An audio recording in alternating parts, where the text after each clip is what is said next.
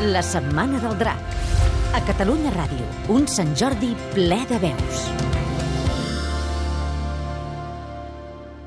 A l'ombra d'un arbre, un lleó dormia una migdiada. Un ratolí que jugava per les branques no se'n va donar i, jugant, jugant, va caure damunt l'esquena del lleó i el va despertar. Molt enfadat, el lleó d'una grapada el va atrapar.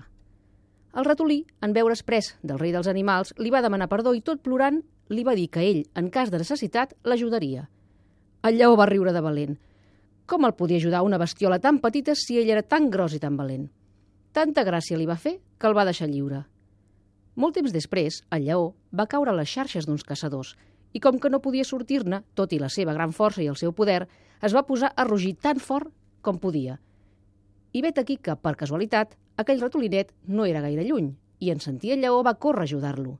Va arrossegar amb les seves dentetes les malles de la xarxa, fins que va fer un forat prou gran i el lleó va poder sortir i s'escapar, gràcies al ratolí, d'una mort certa. I des d'aquell dia, el ratolí i el lleó van ser amics inseparables.